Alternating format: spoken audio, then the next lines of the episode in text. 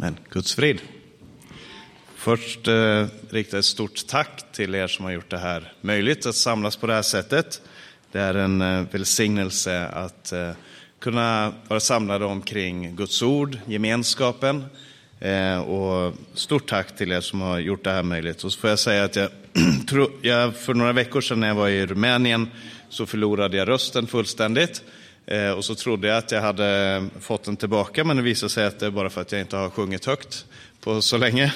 Eh, rösten är inte helt där den borde vara, men eh, nu tog jag en Läkerol innan här och den makes people talk.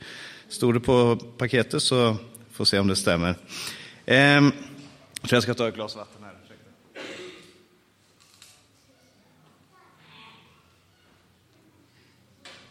Vi ska, jag har ju eh, annonserat, eh, nämnt här eh, ett ämne och det är saliga är de ödmjuka. Och för dig som är känd i Bibeln så vet du att då ska vi komma, åtminstone komma inom Matteus kapitel 5. Och jag tänkte att vi skulle börja där. Matteus kapitel 5 i bergspredikan och mer bestämt det som kallas för saligprisningarna i början av Jesu bergspredikan. Så läser vi där, eh, för sammanhangets skull, läser vi från den första till den tionde versen i Jesu namn. När Jesus såg folkskarorna gick han upp på berget. Han satte sig ner och hans lärjungar kom fram till honom. Då började han tala och undervisa dem. Saliga är de som är fattiga i anden, för de tillhör himmelriket. Saliga är de som sörjer, för de ska bli tröstade. Saliga är de ödmjuka, för de ska ärva jorden. Saliga är de som hungrar och törstar efter rättfärdighet, för de ska bli mättade. Saliga är de barmhärtiga, för de ska få barmhärtighet. Saliga är de renhjärtade, för de ska se Gud. Saliga är de som skapar frid, för de ska kallas Guds barn. Saliga är de som blir förföljda för rättfärdighetens skull, för de tillhör himmelriket. Amen. Eh, och det är just det här som står i femte versen då, som jag tänkte att jag skulle tala lite om. Det står saliga är de ödmjuka. Om du har 1917 års översättning så tror jag det står saliga är de saktmodiga. Eh, för de ska ärva jorden. Och eh, om man inte är bekant med den bibliska tankegången så, så kan man ju omedelbart ställa sig frågan varför ska de ödmjuka ärva jorden? Eh, är det en fördel att ärva jorden? Är jorden överhuvudtaget ett arvegods? Eh, kan man ärva jorden? Vad, vad ska man med jorden till? Eh, om jag lovar eh, att inte ärva jorden, kan jag, eh, kan jag då slippa vara ödmjuk? Eller hur hänger det här ihop, den här eh, texten? Och vad betyder det här? Och det första som jag skulle vilja säga någonting om, det är att Jesus hämtar, eh, i den här texten så hämtar Jesus eh, sitt, eh, han har en bakgrund ifrån gamla testamentet i det han säger. Eh, det finns både salmer som talar om det här med att ärva jorden, men det finns framförallt i eh, Israels lagtext, i Torah, eller de fem Moseböckerna, så talas det om arvsrätten som fanns i Israel. Eh, och det bestod bland annat i att den äldste sonen i en familj, det var han som skulle ärva eh, tronen. Det var, eh, det var, han som skulle ärva jorden. Som, så, för att landet, då, man kom, in i landet under Josua, erövrade Israels land och fick det som i Bibeln kallas för Herrens arvelott. Israel som folk var Herrens arvelott och han gav dem landet som sin arvelott. Så att, och landet fördelades mellan de olika stammarna och i de olika stammarna så fördelades det mellan de olika familjerna. Och den här arvslotten den skulle aldrig någonsin försvinna ut ur den familjen. Om man fick så så många kvadratmeter, hektar eller vad det var tal om, så var det den, det måttet av landet som man hade fått och det skulle gå i arv från far till äldsta son. Och så fanns det olika system som man hade för att försäkra sig om att det var på det sättet som det skedde. Och man hade alltså en slags förvaltarrätt över Guds jord. Gud är skaparen, han har skapat allting och Gud gjorde speciellt krav på Israel som folk, som hans förstlingsfrukt som han kallar det, och Israel som land, som hans arvedel. Och de hade då förvaltarrätt Eh, från Gud över det här landet. Och för att ingen skulle kunna få monopol, du förstår att genom åren så måste det ha varit, måste det ha varit de som var både smarta och, och företagsamma och som hade turen på sin sida som teoretiskt kunde ha eh, vunnit åt sig, köpt upp och fått de andras arvelott. Och vi vet ju att det finns en berättelse om en kung som gärna ville ha en annan mans arvelott. Utan att vi ska gå in på det, så, så fanns det system på plats som skulle försäkra sig om att ingen fick monopol. Eh, och det här, det här är då tanken som Jesus använder när han säger här, saliga är de ödmjuka, för de ska ärva jorden. Och eh, när Jesus talar om att ärva jorden så menar han inte bara de här arvslotterna som fanns i Israel på den här tiden. Eh, jord, det kan betyda både jord som i matjord, det kan betyda jord som i marken du går på och det kan betyda jorden som hela den bebodda eh, jorden, hela den bebodda planeten. Och, men när Jesus talar om det här så tror jag att han framför allt syftar på det uppdrag som Gud gav till de första människorna, Adam och Eva, som han kallade och sa föröka er och uppfyll hela jorden och lägg den under er och regera över den som hans representanter. Gud skapade människan i sin avbild och så sände han dem ut i världen för att Eh, för att föröka sig och för att uppfylla världen och för att vara hans representanter på den här jorden. Och när man, så när man får hela den här bilden med sig, då börjar man se vilken stor tanke som presenteras steg för steg i Bibeln och som Jesus då knyter an till och säger, saliga är de ödmjuka för de ska ärva jorden. De ska gå in i den här tjänsten. De ska få den här tjänsten att vara Guds avbild på den här jorden, att bära hans namn fram för människorna. Det är de som ska få den här rätten. Och när man tänker på att i Bibeln då så, så läggs det ner den här lagen som säger att eh, den äldste sonen, han är den som ska ärva, han är den som är den eh, rättmätiga eh, mottagaren av arvet. Så förstår man att det här måste ha skapat konfliktsituationer, och det gjorde det naturligtvis. Alltså yngre söner, en, en far kunde ha fått väldigt många söner och, och, och, döttrar. Och frågan var ju då naturligtvis, skulle de erkänna sin äldste bror som eh, som eh, eh, den rättmätiga eh, eh arvtagaren. Som, som äldst bror, eh, den äldste bror i min egen familj så ligger det här naturligtvis varmt om mitt hjärta. Nej, men, men vi förstår ju att det måste, och vi ser det i Bibeln också, att det ofta var en konfliktfråga, många gånger. Och då kan man ju naturligtvis också fråga sig, borde det inte då i Bibeln när man läser framförallt då Gamla Testamentet, borde man inte hitta väldigt många sådana här sedelärande historier, berättelser om någon yngre son som försökte resa sig upp mot sin äldre bror och, och som eh, konspirerar mot honom för att få hans arvelott och eh, så misslyckas han med det och så blir rätten etablerad igen. Det är så man skapar sedelärande historier. Man har någonting som man försöker lägga ner hos människor och så berättar man historier för att beskriva så här går det om man inte gör så, så här går det om man gör så. Och Det är sant att det finns några få sådana historier i Bibeln, men framför allt så finns det andra historier. Det finns historier om de här konflikterna, men som regel så är det överraskande nog den yngre sonen som, som kommer ut på Eh, på den segrande sidan om du vill. Det är han som får arvelotten. Och du, du kan tänka på sådana som Kain och Abel. Kain var den förstfödde, Abel var den yngre, men Abel kallas för den rättfärdige. Du kan tänka på det berömda exemplet naturligtvis Jakob och Esau.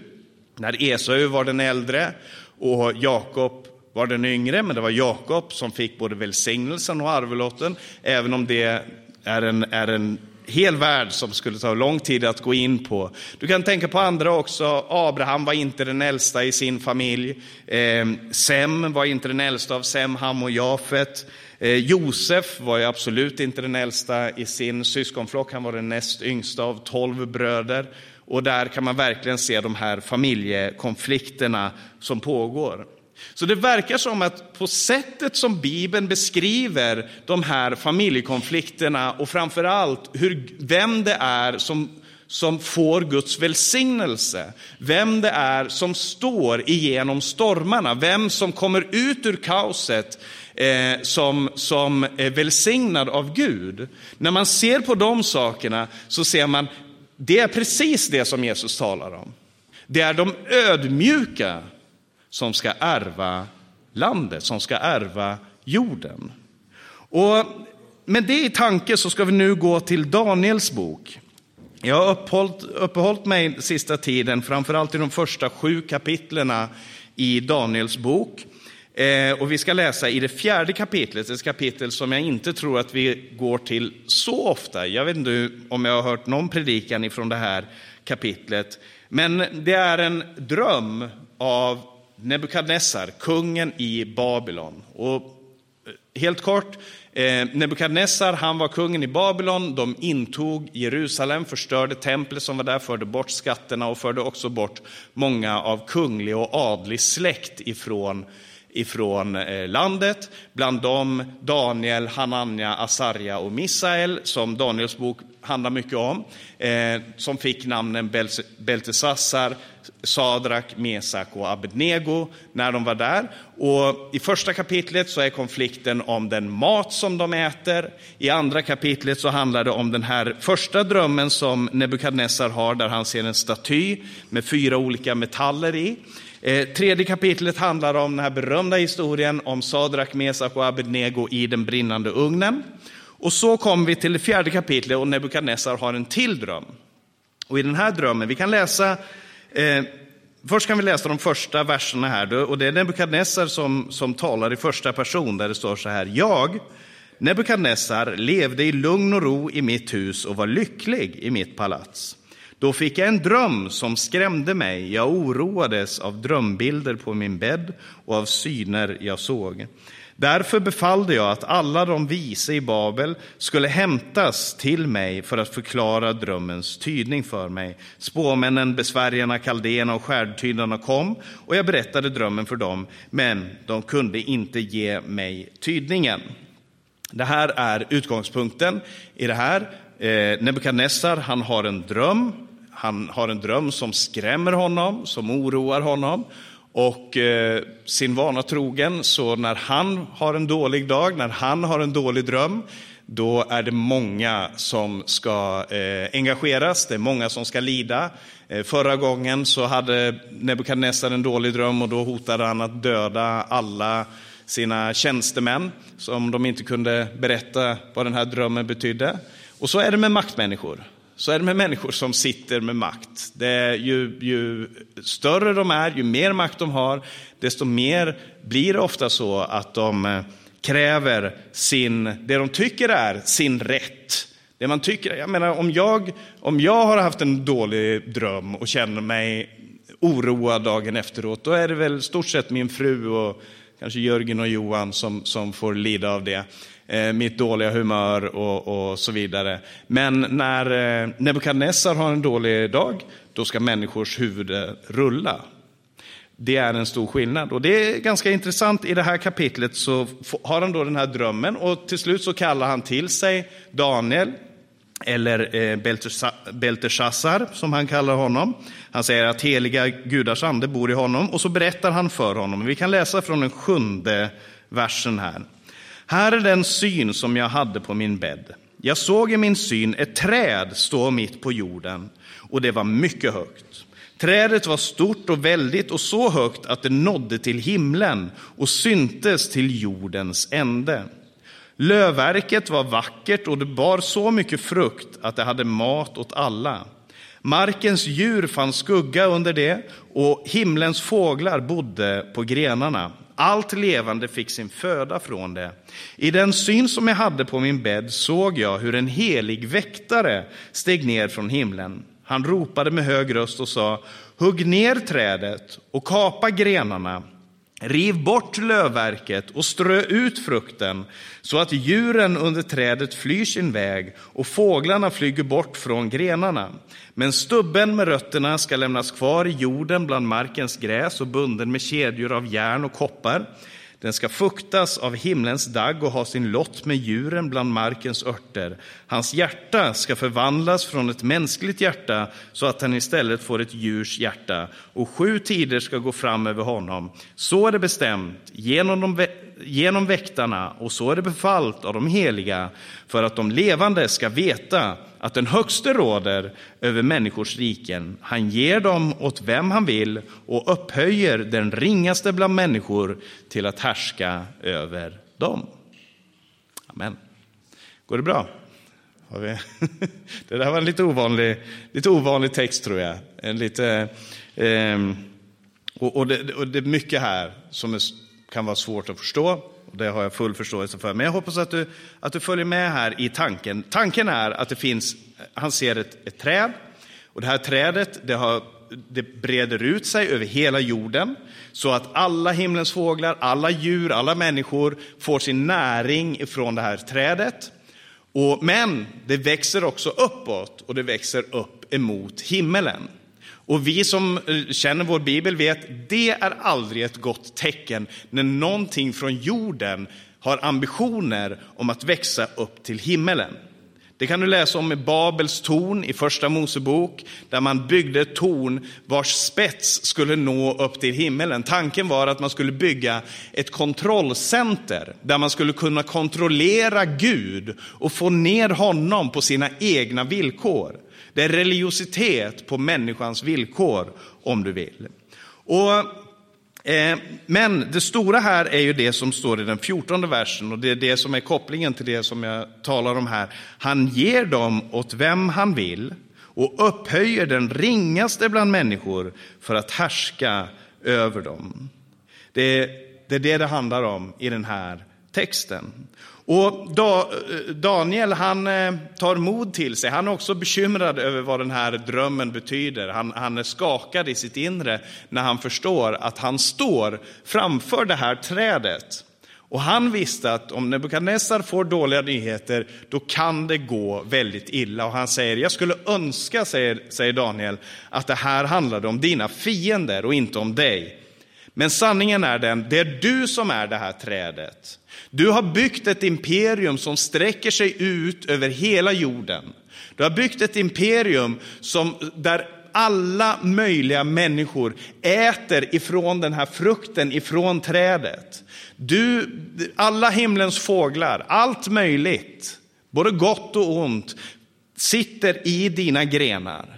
Men så finns det också en ambition hos dig och den ambitionen den kan du läsa om också i, i Jesaja, där det, i Jesaja kapitel 14 är det väl, där det står om Babylons kung som hade en ambition och den ambitionen var inte född av Gud utan den var född av, ifrån mörkrets furste.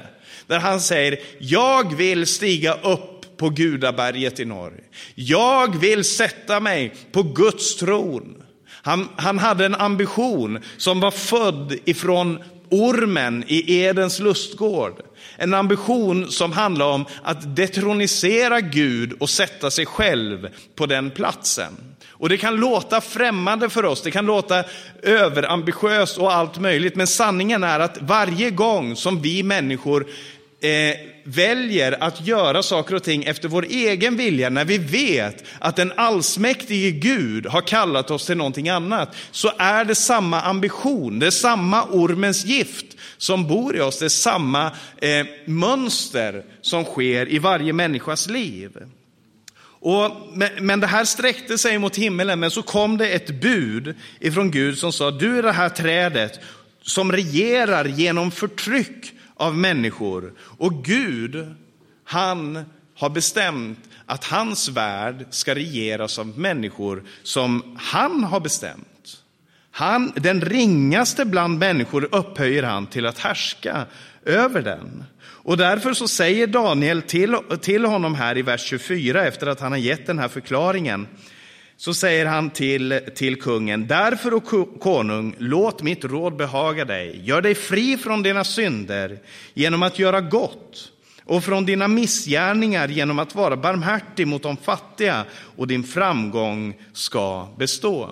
För det här nerhuggandet av trädet, det förklarade Daniel så här och sa, det betyder att Gud ska, ska ödmjuka dig genom att låta dig förlora all den makt som du har. All den position, allt det förstånd till och med som du har ska du förlora och du ska beta som en oxe ibland markens djur. Du ska reduceras till ett djur. Gud skapade människan i sin avbild. Men så ofta reduceras vi genom våra tankar och gärningar, genom våra synder och missgärningar som det står här, med, genom hur vi behandlar varandra och hur vi vägrar att tillbe Gud, så reducerar vi oss själva till djuren. Vissa människor, säger salmisten, är som åsnor som måste styras med betsel och remmar. Du, det är människans lott utan Gud. Och därför säger han till honom, omvänd dig, omvänd dig, gör, vänd, bort, vänd dig bort ifrån dina missgärningar, gör gott mot de fattiga, var barmhärtig mot de fattiga och gör gott. Så kanske Gud, Daniel, han vet att Gud är barmhärtig. Han vet att Gud vill frälsa. Han vet att Gud vill förlåta. Alltså hade det funnits omvändelse så hade det funnits hopp. Och ett år, tolv månader står det, så är Nebukadnessar eh, vid sina sinnens fulla bruk. Han, han, han fortsätter att regera. Han, antagligen så gör han någonting för att den här domen ska fördröjas. Eller så ger Gud honom en nådatid för att se vad kommer att ske. Och ett år senare så står det här i texten, i den 25 versen, allt detta hände med kung Nebukadnessar. Tolv månader senare gick kungen omkring på taket av det kungliga palatset i Babel. Aldrig ett bra tecken när en kung går runt på ett tak i Bibeln. Eh, och han tog till orda och sa, här är det stora Babel som jag har byggt upp, till ett kungavälde med min starka makt, till ära för mitt majestät. Och medan orden ännu var i kungens mun kom en röst från himlen. Till dig, kung Nebukadnessar, ska det sägas, ditt rike har tagits från dig. Du ska bli utstött från människorna och bo bland markens djur och äta gräs som en oxe. Så ska sju tider, det är sju år, gå fram över dig tills du har insett att den högste råder över människors riken och ger dem åt vem han vill. Och så står det i nästa vers att han blev utstött från människorna och måste äta gräs som en oxe.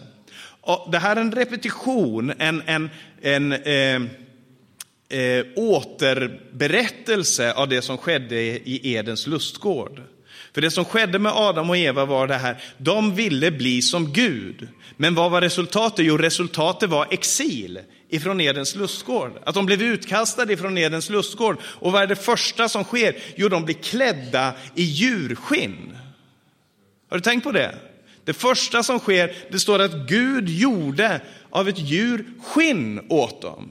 Så vad blev de lika? De var inte helt och fullt människor längre. Det var inte, det var inte möjlighet att gå runt nakna mot varandra, öppna mot varandra som helt och fullt människor, utan de blev reducerade i viss grad till djurens nivå. Och detsamma sker här med den här kungen som blir utestängd från människors gemenskap. Och under sju år så går han där och betar som en oxe. Men lägg märke till en sak. Varför hände det här? Det hände inte för att Gud var hotad av det här trädet. Har du någonsin varit med om ett träd som kan växa upp till himmelen? Naturligtvis inte. Gud var inte hotad av, av Nebukadnessars ambitioner. Gud har suttit på tronen genom många, många kungar och härskare och presidenter, diktatorer och fyrers olika eh, idéer och tankesprång. Gud är suverän i alla tider. Gud är inte hotad. Absolut inte.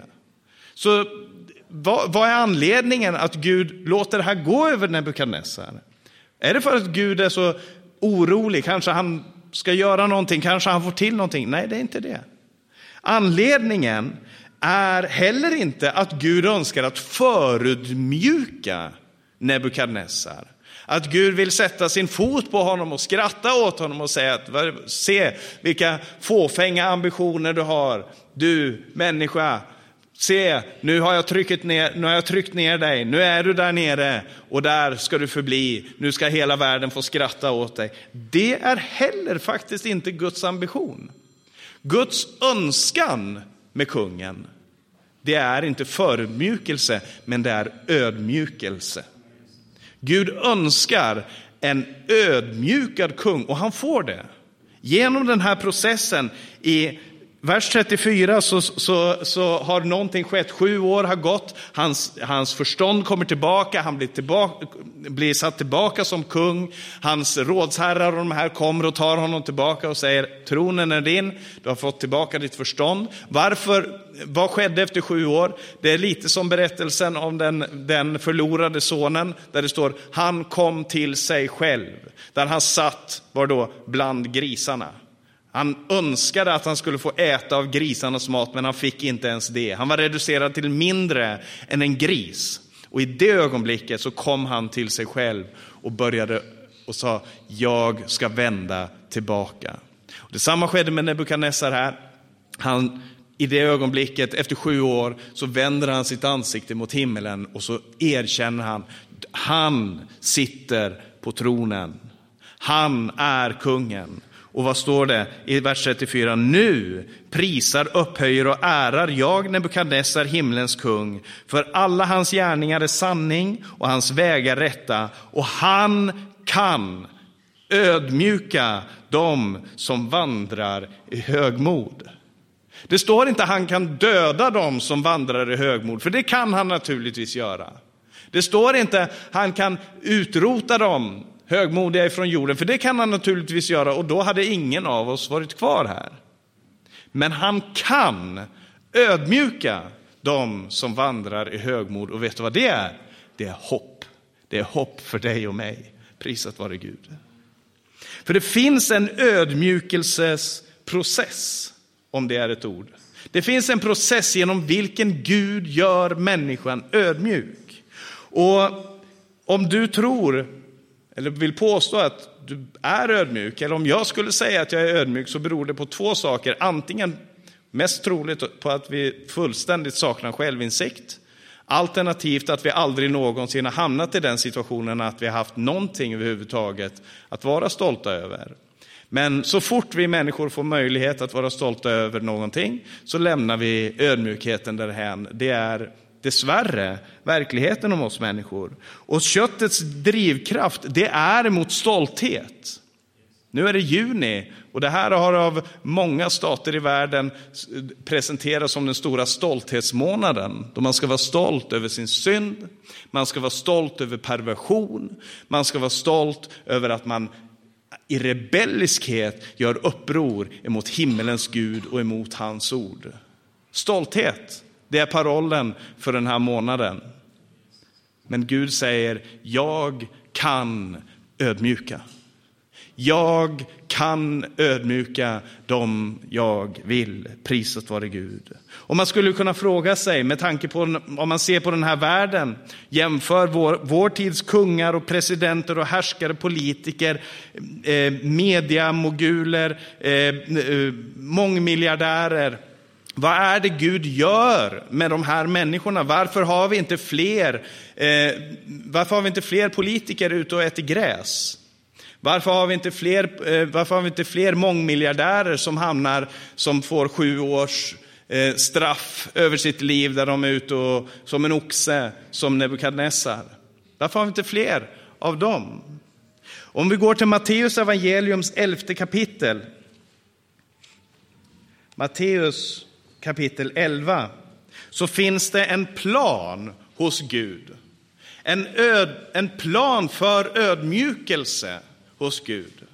Och den är, tack och lov, inte längre att sända människor ut som eh, som oxar i sju år för att kunna resa upp den här kungen till något sånt här. För det som skedde med Nebukadnessar var ju naturligtvis, hur länge var han ödmjuk efter det här? Vi vet inte, men hans eh, son och sonson var verkligen inte ödmjuka. Läs om Belsassars gästabud som referens där. Du, men i Matteus kapitel 11 så står det om Jesus. Och det står så underbart i den 25 versen. Vid den tiden sa Jesus, jag prisar dig far, himmelens och jordens skap, Herre, för att du har dolt detta för de visa och kloka och uppenbarat det för små barn. Ja, far, så var din goda vilja. Allt har min far överlämnat till mig och ingen känner sonen utom fadern och inte heller känner någon fadern utom sonen och den som sonen vill uppenbara honom för. Och så säger han så här, kom till mig. Alla ni som arbetar och, har, och är tyngda av bördor, så ska jag ge er vila. Ta på er mitt ok och lär av mig. Varför då? Och här får vi ett in, en inblick, enda gången som vi får en inblick i vad är i Jesu hjärta? Vad finns i hans hjärta? Vad är det för motivationskraft som finns i Jesu liv?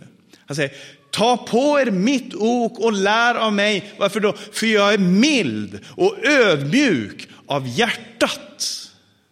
Då ska ni finna ro för era själar. Då är det slut med det här strävet, när Jesu Kristi mildhet och ödmjukhet blir satt som ett ok över dina och mina axlar. Du vet, som, som oxarna i tjänst, som blir satt under samma ok, två stycken som bär på samma ok. Och Jesus säger, du kan få bära mitt ok. Du kan få lära av mig. Man hade en äldre oxe som visste hur man skulle gå för att plöja. Så kunde man ta den yngre oxen och sätta honom vid sidan om. Och så fick han lära sig av den äldre hur han skulle gå, var han skulle röra sig. Och när han kastade sig hit och dit, när han ville göra någonting annat, så sa den äldre oxen, nej, nej, nej, här är vägen. Det är tanken, det är bilden som Jesus använder här. Och, och, och han säger, ta på er mitt ok och lär av mig, för jag är mild och ödmjuk av hjärtat, då ska ni finna ro. Ron består inte att segra över sina fiender så som den här världen gör. Ron består inte att en gång få stå på sitt kungapalats tak och få säga här är Babylon som jag har byggt med mina händer till min ära. Ron består i att få bära samma ok som Jesus. Prisat vare Gud. Samma ok som Jesus. Han kan ödmjuka. Och här i texten så står det att Gud har dolt det här för de visa i den här världen. Han har dolt det för dem som menade sig kunna och veta. Och han har uppenbarat det för vilka då? För de små, för de enfaldiga. För dem som den här världen anser som dårar. Han har uppenbarat det för dem och så säger han, kom, kom, du som arbetar. Kom du som kämpar för karriären. Kom du som kämpar för framgången. Kom du som kämpar för att uppnå någonting som du kan vara stolt över. Och så säger han, lär istället av mig, för jag är mild och ödmjuk av hjärtat. Hebreerbrevets femte kapitel så står det så här om Jesus. Och du, det här är ödmjukelseprocessen som Gud önskar att du och jag ska träda in under. Han talar om en överste präst. Han talar om den här överste prästen i sin, i sin skrud, i sin, i sin tjänst, i sin makt, i sin härlighet. Och så säger han så här från den sjunde versen, och det är Jesus han talar om och säger, under sin tid här i köttet, alltså då Jesus var här på jorden, sina 33 år, då ropade han högt under tårar när han bad och vädjade till den som kunde rädda honom från döden och han blev bönhörd och fri från sin ångest. Trots att han var son lär, fick han lära sig lydnad genom sitt lidande. Det här var Jesu Ödmjukhet, det är här den tar sig uttryck. Då han genom sitt lidande fick lära sig lydnad. När han sedan var fullkomnad så blev han källan till evig frälsning för alla som lyder honom, av Gud kallad överstepräst på samma sätt som Melkisedek. Det här är, alltså, för de som lyder honom, det handlar om att gå in under hans ok. Det handlar om att säga Jesus, jag, jag har inte det här i mig själv. Jag kommer inte klara av Guds rensande eld över mitt liv. Det finns inte en chans att jag skulle kunna gå igenom den här ödmjukelseprocessen för att göra mig till det jag borde vara. Mitt enda hopp, det är att Guds vrede som skulle drabba mig för min stolthet, att den vreden har gått över sonen och att jag kan få träda in under hans ok. Att han har burit den vreden som rätteligen borde ha rammat mig, som rätteligen borde ha slagit ner över mig. Den vreden, den bar han upp på Golgata kors. Prisat vare Gud. Det är mitt enda hopp. Och Jesus, han visar i sitt liv och i sin död så visar han eh, ödmjukhetens seger över stoltheten. För var han än går fram under de sista dagarna så är det stolta människor. Så är det människor med makt, så är det människor som vill demonstrera sin makt. Det är överste präster, det är Herodes, det är Pilatus, det är Judas Iskariot och det är människor som ropar korsfäst, korsfäst. Alla dessa och de som står nedanför hans kors och, och, och säger till honom, du, är inte du Messias? Stig ner ifrån korset. Visa din makt så som vi tänker att makt ska demonstreras. Visa din stolthet så som vi menar att den ska demonstreras. Uppför dig så som vi tänker oss att en kung och en härskare och en herre ska uppföra sig. Det var, det var frågan som man ställde, men det man inte förstod var att man stod inför Guds egen son och hans kröning som herre. Det såg man inte, därför att han vandrade en väg som, som ingen annan människa har gjort. Se, din konung kommer till dig, vadå? Ödmjuk, ridande på en åsna, på en åsninnas för. Prisat vare Gud. Det var vägen som han valde. Och det var vägen som han valde, inte bara för att befria oss ifrån synden, och det är sant. Inte bara för att sätta oss fria ifrån och, och, och, kunna förlåta de synder som du och jag har begått. Och det var, men det var det som behövdes, ett felfritt offer, ett offerlamm, som ett lamm som är stilla inför den som klipper det. Och så öppnade han inte sin mun, står det i Jesaja 53. Det är Jesu ödmjukhet, det är Jesu vandring till Golgata. Men det var våra synder han bar. Det var våra, det var våra sår. Det var våra sjukdomar. Det var vårt, vårt, vårt. Det var mitt, mitt, mitt. Det korset som skulle vara mitt, det blev hans. Prisat vare Gud. Och i Filipperbrevet kapitel 2, i Filipperbrevets andra kapitel, så säger aposteln kommer med en uppmaning och, och, den är ju så nödvändig, den är så sann, men den är också så, så, så svår. För att det Gud kallar oss till, han har sagt, saliga är de ödmjuka, de ska ärva jorden. Varför då? Därför att det är Gud som bestämmer vem som ska ärva jorden. Det är Gud som har bestämt vem det är som ska gå ut och bära hans namn. Det är Gud som har bestämt under vilka omständigheter som vi ska kunna vara hans bild och bära hans bild till den här världen. Han har bestämt vilka omständigheter, vilka personligheter, vilka drag som de här människorna eh, ska få. Och det har han bestämt är ödmjukhet och den har inte vi i oss själva. Därför säger Bibeln i Kolosserbrevet så står det iklä er ödmjukhet. I Galaterbrevet så står det inte att Paulus frukt är, men det står andens frukt är kärlek, glädje, frid, tålamod, godhet, saktmod eller ödmjukhet och mildhet.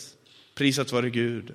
Det är andens frukt i en människas liv. Och här i Filipperbrevet 2 så säger han så här i den tredje versen, sök inte konflikt eller tom ära. Och käre Gud, hur många gånger söker vi konflikt och tom ära?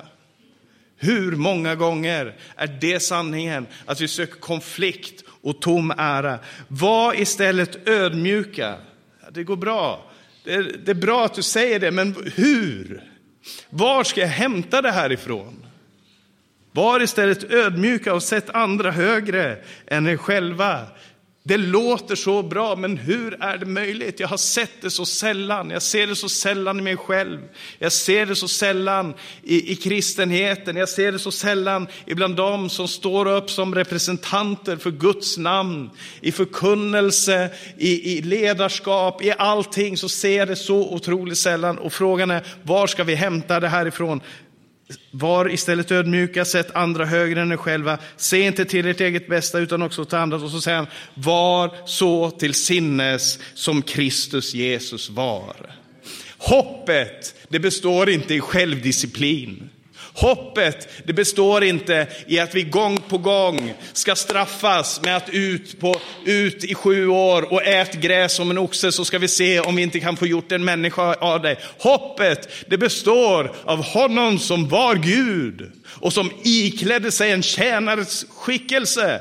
Som det står här, han var till i Guds gestalt men räknade inte jämlikheten med Gud som segerbyte utan utgav sig själv och tog en tjänares gestalt och blev människan lik. Behövde han göra det? Måste han göra det? Nej, men han gjorde det av kärlek till dig och mig.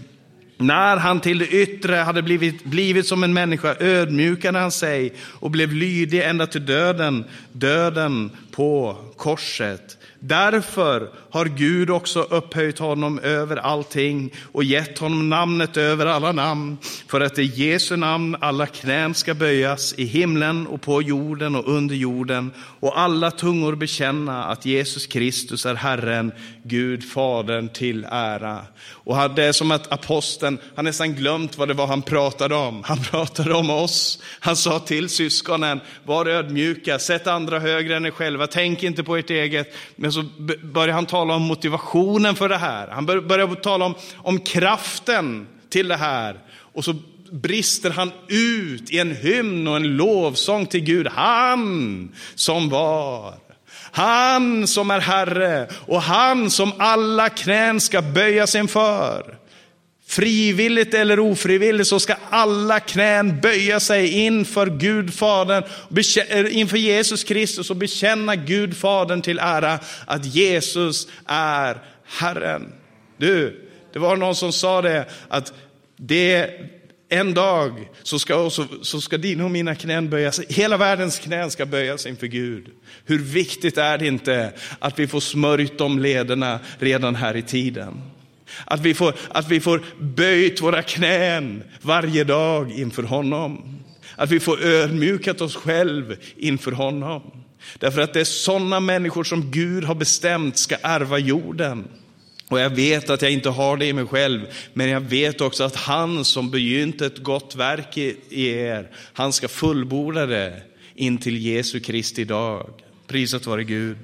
Så korset, det visar, det visar ju fördärvet i vår stolthet. Det visar hur Guds vrede var tvungen att gå över sonen på grund av min stolthet, på grund av mitt självförhärligande. Så var, alltså, det mest värdefulla som himlen har var den tvungen att ge för min synd. Det räckte inte med bockars blod, med kalvars blod, med något annat blod. Det enda som gällde, det var sonen. Men så högt älskade Gud världen att han gav sin enfödde son för att var och en som tror på honom inte ska gå förlorad utan ha evigt liv.